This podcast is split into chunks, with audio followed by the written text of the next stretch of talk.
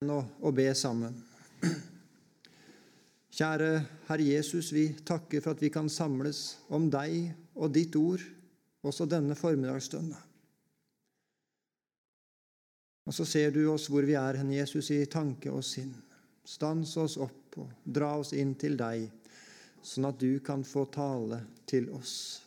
Må du gi meg ord å gå med, Jesus, ord fra deg, til trøst og vekkelse og gi oss alle sammen ører å høre med, så det nettopp kan bli til trøst og vekkelse. Vi takker for at du vil at alle skal bli frelst. Vi takker for at du elsker oss og ikke vil at noen av oss skal havne der vi etter vår ferd har fortjent å havne, men at vi skal få lov til å tro på deg. Vi takker for syndenes forlatelse, Jesus, i ditt blod. Og så ber vi om at du må åpenbare for oss hvor vi er hen. Og la oss få komme inn til deg, Jesus. Det ber vi om. Åpne så vi kan se. Amen. Vi skal stanse ved en av tekstene for i dag, fra Matteus 7, 1 til 5.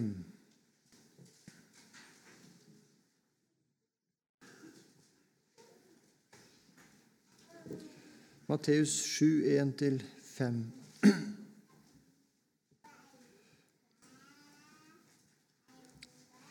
Døm ikke, for at dere ikke skal bli dømt. For med den dom som dere dømmer, skal dere selv dømmes, og med det mål dere måler, skal dere selv bli tilmålt. Hvorfor ser du flisen i din brors øye, men bjelken i ditt eget øye blir du ikke var?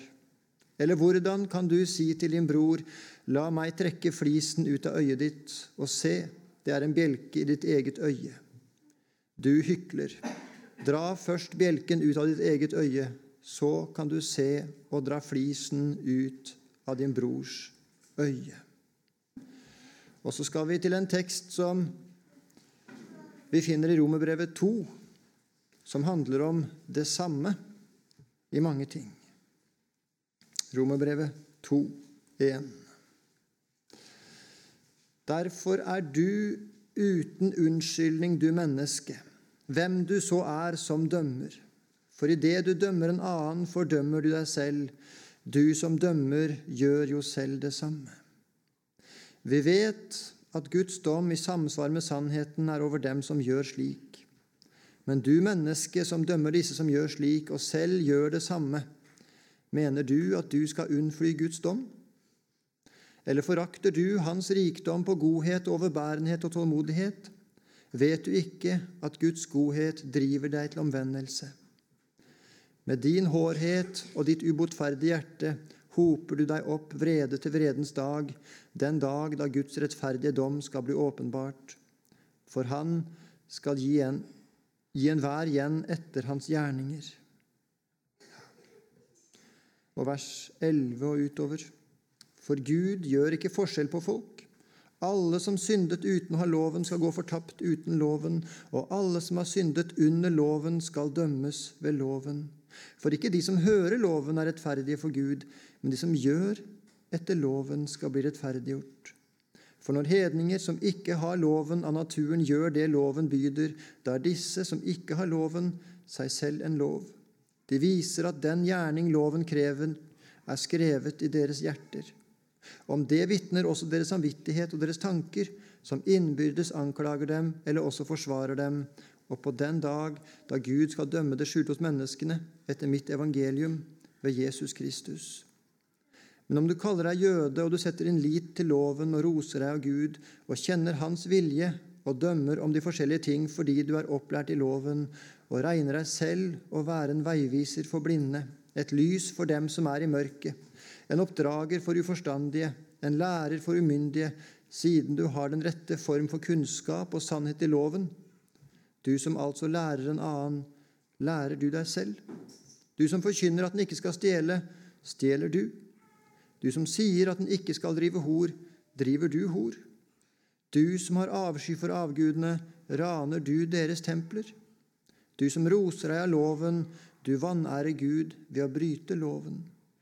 For på grunn av dere blir Guds navn spottet blant hedningene, slik det står skrevet.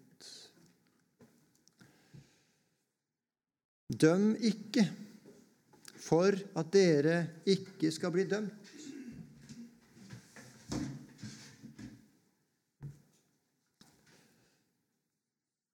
Det er en som har sagt om dette ordet. Dette Jesu ord ser ut til å volde de troende en vanskelighet, men verden en lettelse. Og vi har vel hørt det og lest det stadig vekk. Du skal ikke dømme. Du skal ikke påtale noe hos en annen. Du skal ikke dømme.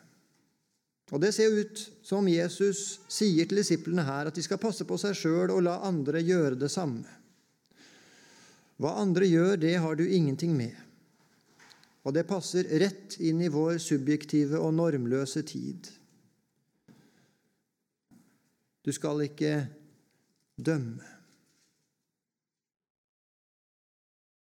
Men det er ikke det Jesus sier her. Det Jesus sier her, er noe helt annet. Og Når vi har foran oss en bibeltekst, så skal vi bestrebe oss på å finne ut av hvem er den til? Hvilken sammenheng står teksten i? Og er det andre bibeltekster som kan belyse teksten? Og denne bibelteksten her, den er til de troende. Den er til den som regner seg for å være troende. Den er til deg, den er til meg. Og Sammenhengen her det er bergprekenen. Det er Jesus sin undervisning til sine disipler. Og så har vi akkurat lest et bibelsted som belyser det vi stanser for her, i Romerbrevet 2, men det er mange andre bibelsteder også som handler om det å dømme og det å dømmes.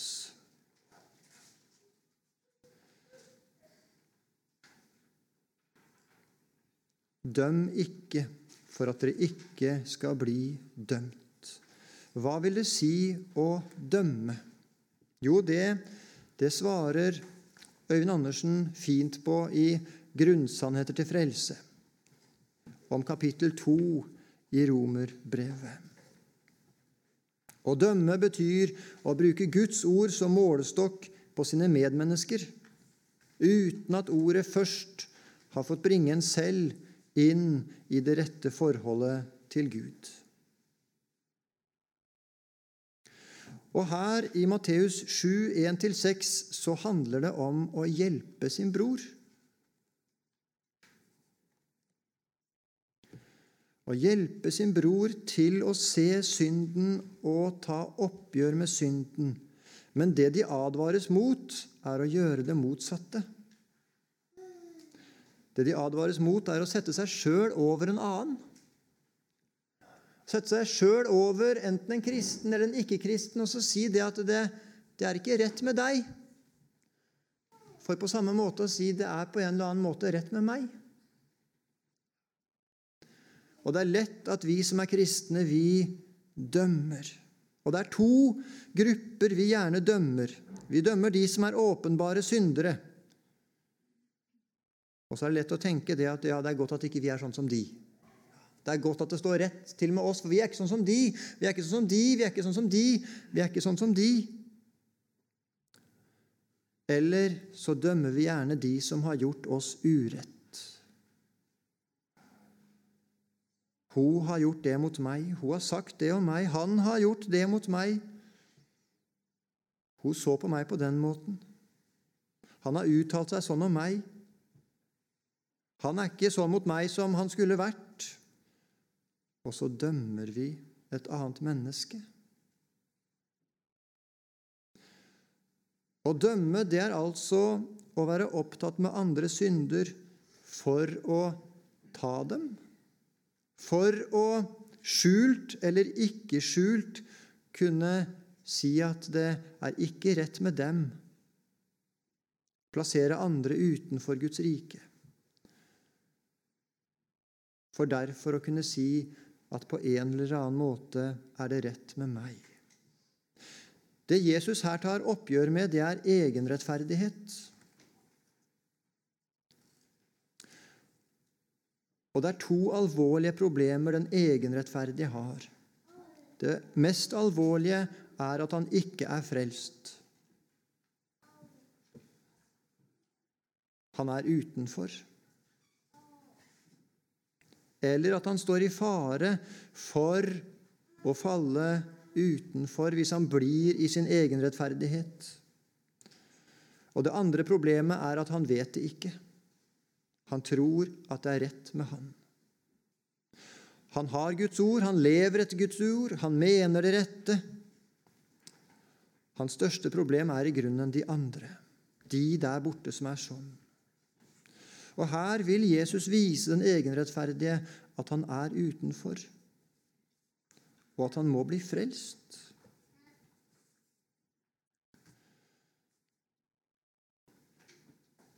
Når verden har en lettelse av disse ordene her Døm ikke for at dere ikke skal bli dømt. Så er det jo fordi at de tenker at da kan de lukke munnen på de som er kristne. Sånn at de kristne ikke skal si at det er synd, og det er synd, og det er synd. Eller si at den som lever på den måten der, den er ikke en kristen. Den går fortapt. Men når vi ser i det siste avsnittet i vers 5, så kan du se og dra flisen ut av din brors øye.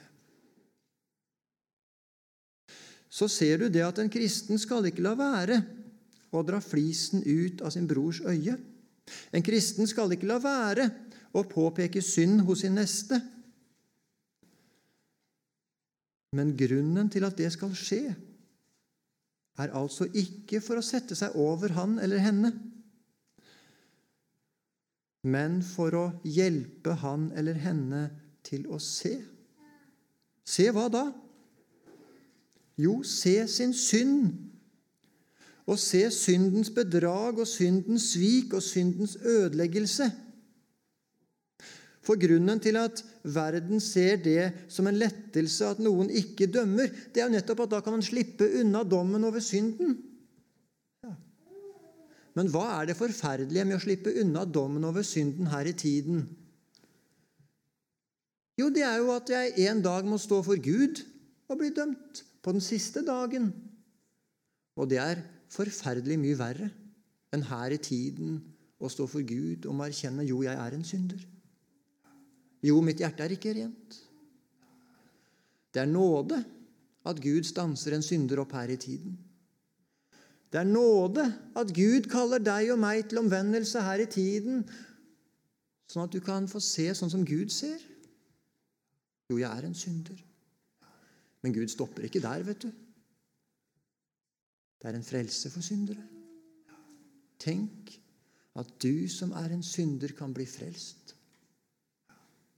Tenk at Gud, som kaller deg en synder og viser deg at du er en synder Tenk at han ikke stopper der. Det er jo det som er problemet når vi dømmer, sier om de der borte at de er syndere. De der borte Å, forferdelige synder de holder på med. Forferdelige ting de driver med der borte. Og så fraskriver vi dem enhver redning. For det er ikke rett med dem.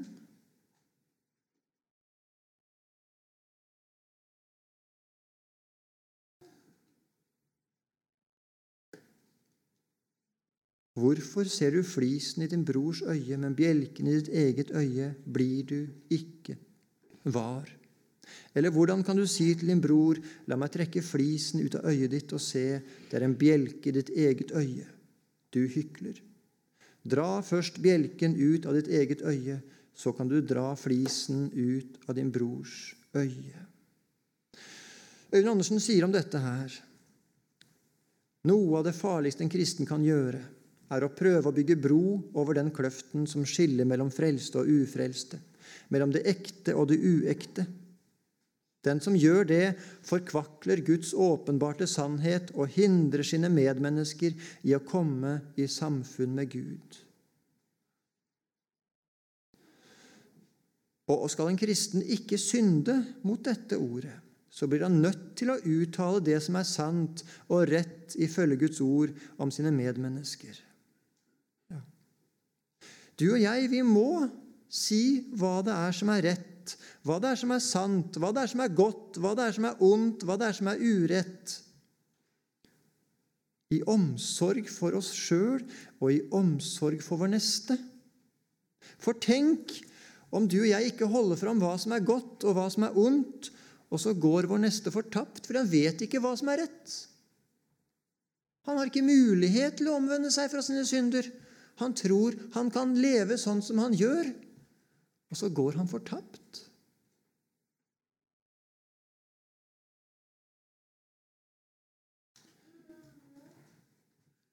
Men altså ikke for å ta han, men for at han kan omvende seg og bli frelst. Den som dømmer, den som dømmer, den dømmer også seg selv. Først og fremst fordi han erkjenner at det er noe som er rett, det er noe som er galt. Hvis du sier til en annen 'du skal ikke lyve', ja, så vet du, og du formidler, at det er ikke rett å lyve. Ja, det vet du. Har du et barn, og du tar denne i løgn, og så sier du 'du skal ikke lyve', ja, da står det ganske selv straks. Og om du så skulle være så from at du aldri har løyet åpenbart, ja, så kjenner du på lysten til løgn, lysten på det å snike deg unna i ditt eget hjerte. Ja, det gjør du. Idet du holder loven fram for et annet menneske, du skal ikke stjele. Og om du aldri har stjålet i hele ditt liv, så har du kjent på lysten til misunnelse. Du har kjent på trangen. Og du kan til og med ha kjent på den æren at du har ikke hatt lyst til å stjele. Uansett så blir du dømt, du som holder loven fram for en annen.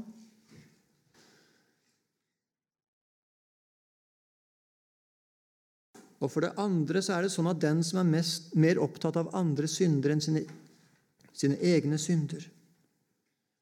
Den viser seg, viser at hun eller han ikke kjenner Gud sånn som hun eller han skulle kjenne Gud. For den som er opptatt av å ta en annen Og de der borte, de er forferdelige syndere, de. Den erkjenner ikke at det er bare Guds nåde som holder meg fra å gjøre akkurat det samme. Det er bare Guds nåde som holder meg fra å være sånn som de eller de eller de eller de. Hvis det ikke var Guds nåde, så hadde jeg stått midt oppi akkurat det samme. Kanskje ikke på den grove måten, kanskje. Men det hadde fått leve i hjertet mitt. Ja, det hadde det fått gjøre. For sånn er jeg også. Sånn er jeg.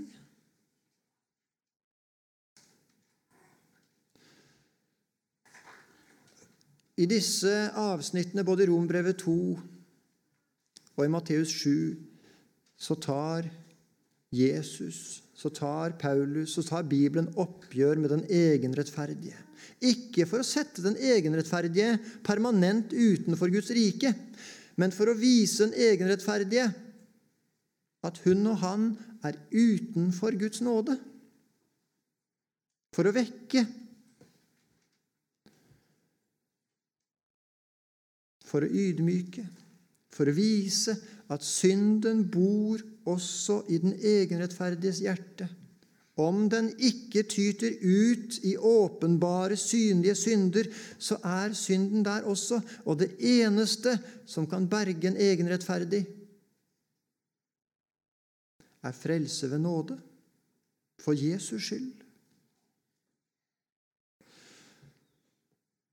Den største fare, sier Øyvind Andersen, som lurer på alle som kjenner Guds ord og vet Guds vilje, det er å forveksle det en vet, med det en er, og å tro om seg selv at en, at en er det en i virkeligheten bare har kunnskap om. Men det er stor forskjell på å vite Guds vilje og det å gjøre Guds vilje. Og likeså er det forskjell på det å vite om omvendelse og det å være omvendt. Det er forskjell på det å vite om Jesus og det å kjenne Jesus. Det er himmelvid forskjell. Og det er lett å bekjenne Jesu navn, forstå meg rett. Å ha sin kristendom i det, det er rett med meg, for jeg vil være en kristen. Det er rett med meg, for jeg gjør ikke sånn, jeg gjør ikke sånn, jeg gjør ikke sånn. Det er rett med meg, for jeg bekjenner mine synder. Det er rett med meg, for jeg har det rette bibelsyn. Det er rett med meg, for jeg tenker rett. Jeg bekjenner det rette. Det er rett med meg fordi jeg går en rette menighet. Det er rett med meg. Hører du hva som er dette menneskets kristendom? Jo, det er meg. Det er ingen nåde her. Ikke engang bekjennelse av synd frelser. Hvis det er en gjerning som jeg skal møte Gud med, at jeg bekjenner mine synder Det er ingen som blir frelst av å bekjenne sine synder. Et menneske blir frelst fordi Jesus er død for dette menneskets synder. Og så har det tatt sin tilflukt til syndenes forlatelse i Jesu blod. Det er det eneste som frelser.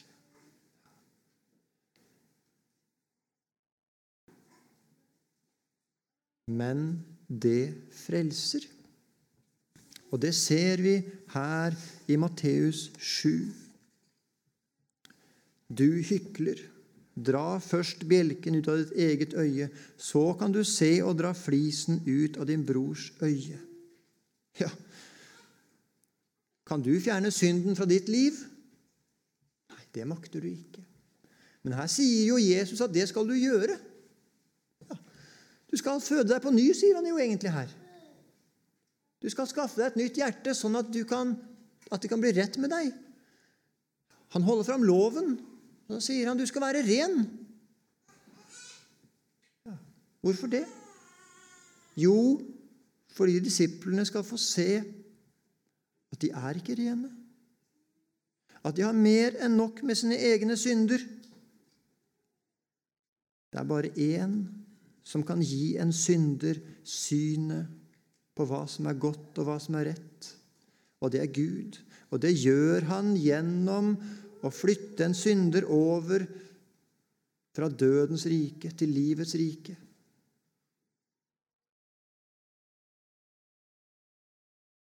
Men når Gud gjør det, så skjer det noe i dette menneskets hjerte. Denne synderen med bjelken i øyet. Det første er at han får nok med sine egne synder. Og så får han nød for sin neste, sånn at min neste også må få del i syndenes forlatelse. Kom, skal jeg hjelpe deg til en som kan gjøre deg frisk. Kom, så skal jeg vise deg en som har sona dine synder også. Og jeg var dødssyk, jeg satt fast. Men nå er det en som har løst meg.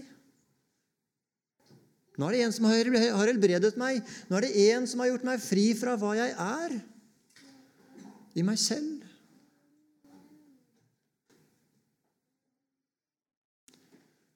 Sånn kan du som er en synder, dra flisen ut av din brors øye. Ikke ved ditt eget. Ikke ved hva du er, men hva Jesus er.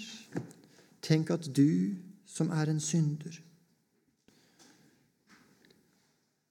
I hjerte, i tanke og sinn, en like grov synder som de som lever i de åpenbare syndene. Kanskje andre synder? Ja da. Øyvind Andersen sier jo om seg selv at han var den største av alle syndere. Han var egenrettferdig. Hva som er din synd, det vet jeg ikke. Heldigvis. Heldigvis. Men Gud vet det. Og han vil gjerne holde det fram for deg, sånn at du skal få se at du i ditt eget er utenfor frelsen. At du ikke har noe å møte Gud med i ditt eget.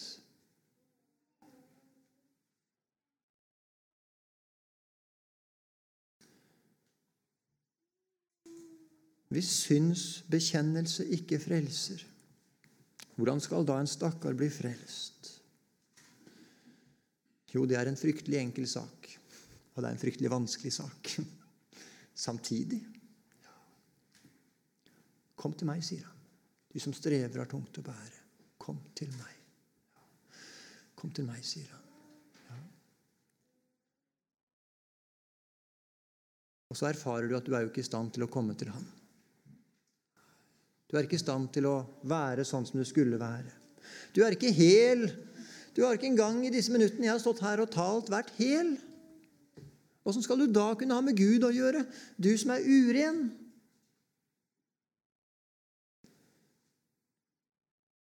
Jo, sier Jesus,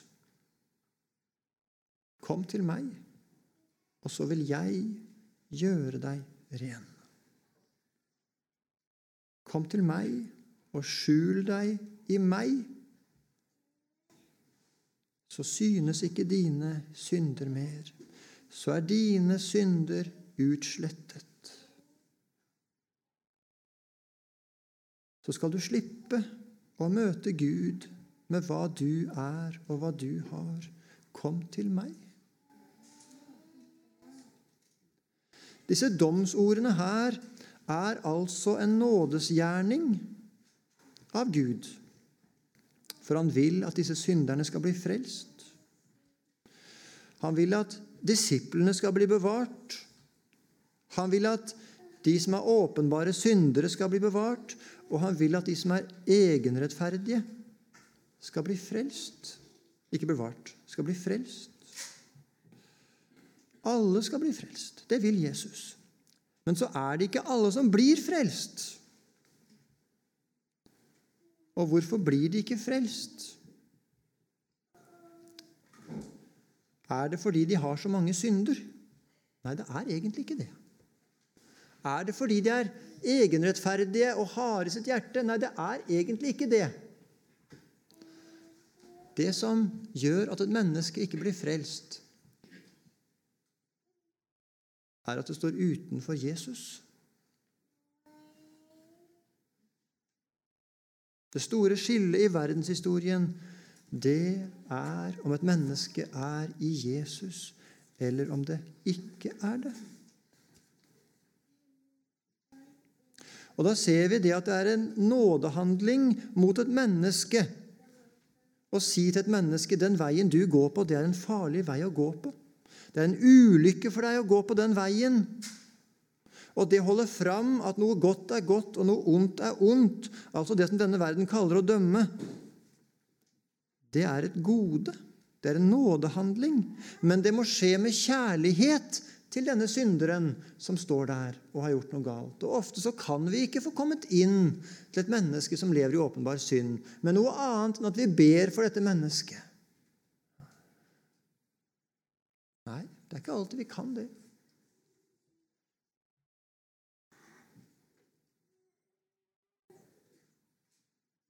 Men om noen skulle spørre deg, eller du blir spurt om hva et Guds ord sier, så hold fram hva som er sant. Samme hvor vondt det skulle gjøre for en synder å få synden åpenbart, fordi det er det eneste som kan frelse et menneske. En synder har jo sin frihet i synden, har ikke behov for å bli fri sin synd. Og den egenrettferdige ser ikke at han er en synder. Vår tid tror jo det at kristendom det er å overbevise mennesker om at det er det beste av alle ting å være en kristen. Og det er det jo. Det er det beste av alt å være en kristen. Men det er ikke sånn at mennesket blir en kristen ved at han blir overbevist om at dette er det beste valget av alle valg.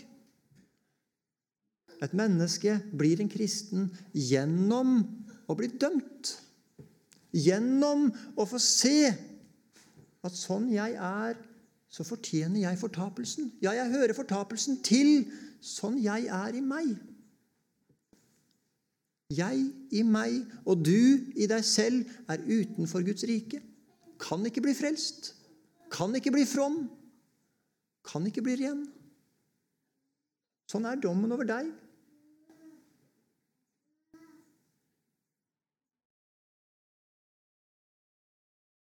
Det er noe annet som frelser deg.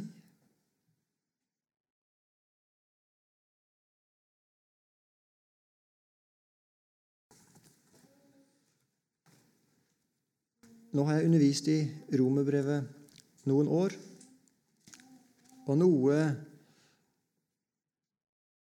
Noe av alle de underlige tingene jeg har sett i romerbrevet, det er vi leser dette kapitlet som vi er sammen om, hver time. Så leser vi fem vers hver. og Det betyr at vi møter på litt forskjellige bibler gjennom en time. Og så husker jeg jeg hørte en elev en dansk elev lese Romerbrevet 2, 21, 22, 23, 24. Og så fikk jeg se noe jeg ikke hadde sett før. Sånn er det jo med Guds ord. Det viser oss ting vi ikke har sett før. På, på dansk, Nå skal ikke jeg lese dansk, altså jeg leser det på norsk, men, men det er danske ord. Men når du kaller deg jøde og forlater deg trygt på loven og roser deg av Gud og kjenner Hans vilje og verdsetter de forskjellige ting i det du undervises av loven, og trøster deg til å være det blindes veileder, et lys for dem som er i mørket, uforstandiges oppdrager, umyndiges lærer, i det du i loven har ut, uttrykket for erkjennelse om sannheten, du altså som lærer andre, du lærer ikke deg selv. Du som preker at man ikke må stjele, du stjeler. Du som sier at man ikke må drive hor, du driver hor. Du som føler avsky for avgudene, du øver tempelran. Du som roser deg loven, du vanærer Gud ved overtredelse av loven. Og På svensk så, så lyder det på samme måte. Du som prediker at man ikke skal stjele. Du stjeler! Ja. Du som sier at man ikke skal drive hor, du driver hor. Du som sier at man ikke skal stjele, du stjeler. Du som roser av loven, du vanærer Gud ved overtredelse av loven. Dette er dommen over ditt og mitt naturlige hjerte. Du stjeler. Du driver hor. Du raner templene. Å være en kristen er altså ikke at det er annerledes med deg i det gamle mennesket, sånn at du har noe du kan rose deg av. Nei. Ditt gamle menneske er akkurat som det de andre lever i det åpenbare. Det er ingen forskjell. Men du som er en kristen, du er pålagt å hjelpe de neste, han som er blind. Du skal ha omsorg for han, sånn at han kan erfare hva synden er. Og det kan du bare gjøre ved at du ser at dette kunne vært meg. Ja, det er meg i mitt skjulte liv. I det gamle mennesket, altså. Ikke det skjulte liv på en måte at man lever i det, for det gjør en kristen ikke. Men det gamle mennesket er sånn. Du blir ikke kvitt det. Du blir ikke fri misunnelsen, hovmodet. Og i den grad du klarer å bli fri det, altså, så blir du egenrettferdig. Det er et veldig alvor i disse versene her. Og så er det et veldig håp i det også. For det er altså mulig å få et nytt hjerte. Det er, det er mulig å bli fri fra å skulle leve etter kjødet. Det er mulig å få kjærlighet til sin neste. På en sånn måte ikke at vi glatter over synden og sier at synden ikke er farlig, men at det er et sted å gå for deg som er en synder. Det er et sted, det er redning for deg, du som er en synder. Det er et fang å krype opp til for deg, du som er en synder. Dømmesyke det kommer av manglende forståelse av lovens dybde og syndens alvor. Og så vil jeg sitere helt til slutt en Hammer, en prest på Nøtterøy, som sier om denne teksten her. Vi må legge merke til at budene høres helt forskjellige ut om man er i troen eller utenfor. Dersom det er liv i det nye mennesket, så har det nye sanser. Hvis det nye livet er dødd bort, føles Guds bud som et ork, men det nye mennesket gleder seg over Guds gode vilje. Det gamle mennesket er tiltrukket av synden, mens det nye synes synden er motbydelig. Det gamle mennesket synes menigheten er en, rar, er en samling rare mennesker, men det nye mennesket er smittet av Guds kjærlighet til menigheten. Dersom Gud kan elske alle de rare menneskene, er det plass til meg også. Vi bør ransake oss selv og undersøke om vi er i troen. Vi kan lete etter disse tre sansene for å se om det nye mennesket er sovnet helt bort i oss. Er Guds bud tunge eller gode? Er synden fristende eller motbydelig? Er menigheten håpløs eller kjær for oss? Vi bærer både det gamle og nye mennesket med oss.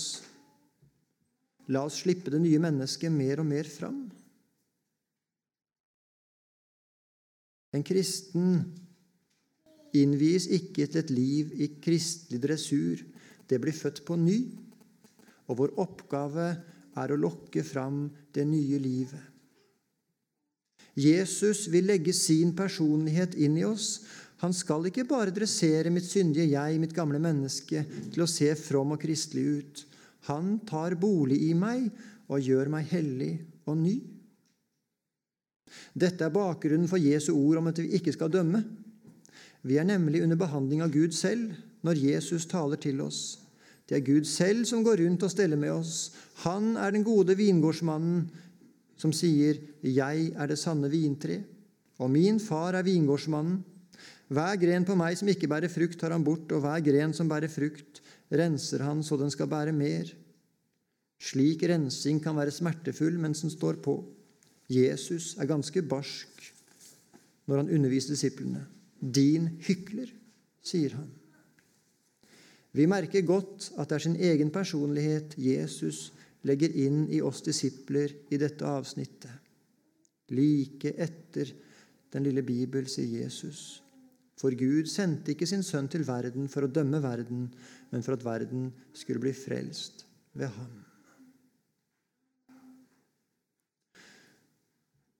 Ditt mål for de neste er altså ikke å fortelle han først og fremst hvor forferdelig han er, men at han skal bli frelst. At han skal få del i syndenes forlatelse. Det er ditt første og det siste mål med din neste. Om han har gjort deg urett, fortsatt ditt mål. Det er Jesus sinnelag. Og dette sinnelaget det bevarer deg og meg fra å leve etter synden enten i egenrettferdighet eller i ukjærlig omgang med vår neste. Det blir ikke noe rom for synden for deg og meg. Synden, den er farlig. Kjære Jesus, vi takker for syndenes forlatelse. Vi takker for at du har gitt oss nye hjerter. Hjerter som elsker det gode og hjerter som har trang til å komme til himmelen. Hjerter som får hvile i hva du er, og hva du har gjort på våre vegne. Og Så ber vi Jesus om at du må åpenbare dette for oss, sånn at vi elsker hverandre. Ikke opptatt av å ta hverandre, ikke opptatt av å ta de andre, men at de skal bli frelst. Gi oss nød for oss selv og gi oss nød for vår neste Jesus. Det ber vi om. Amen.